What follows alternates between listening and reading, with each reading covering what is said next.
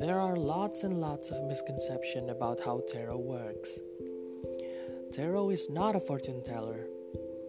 It's rather a tool to help you reconnect with your inner self in a long journey of life to finally reach the light.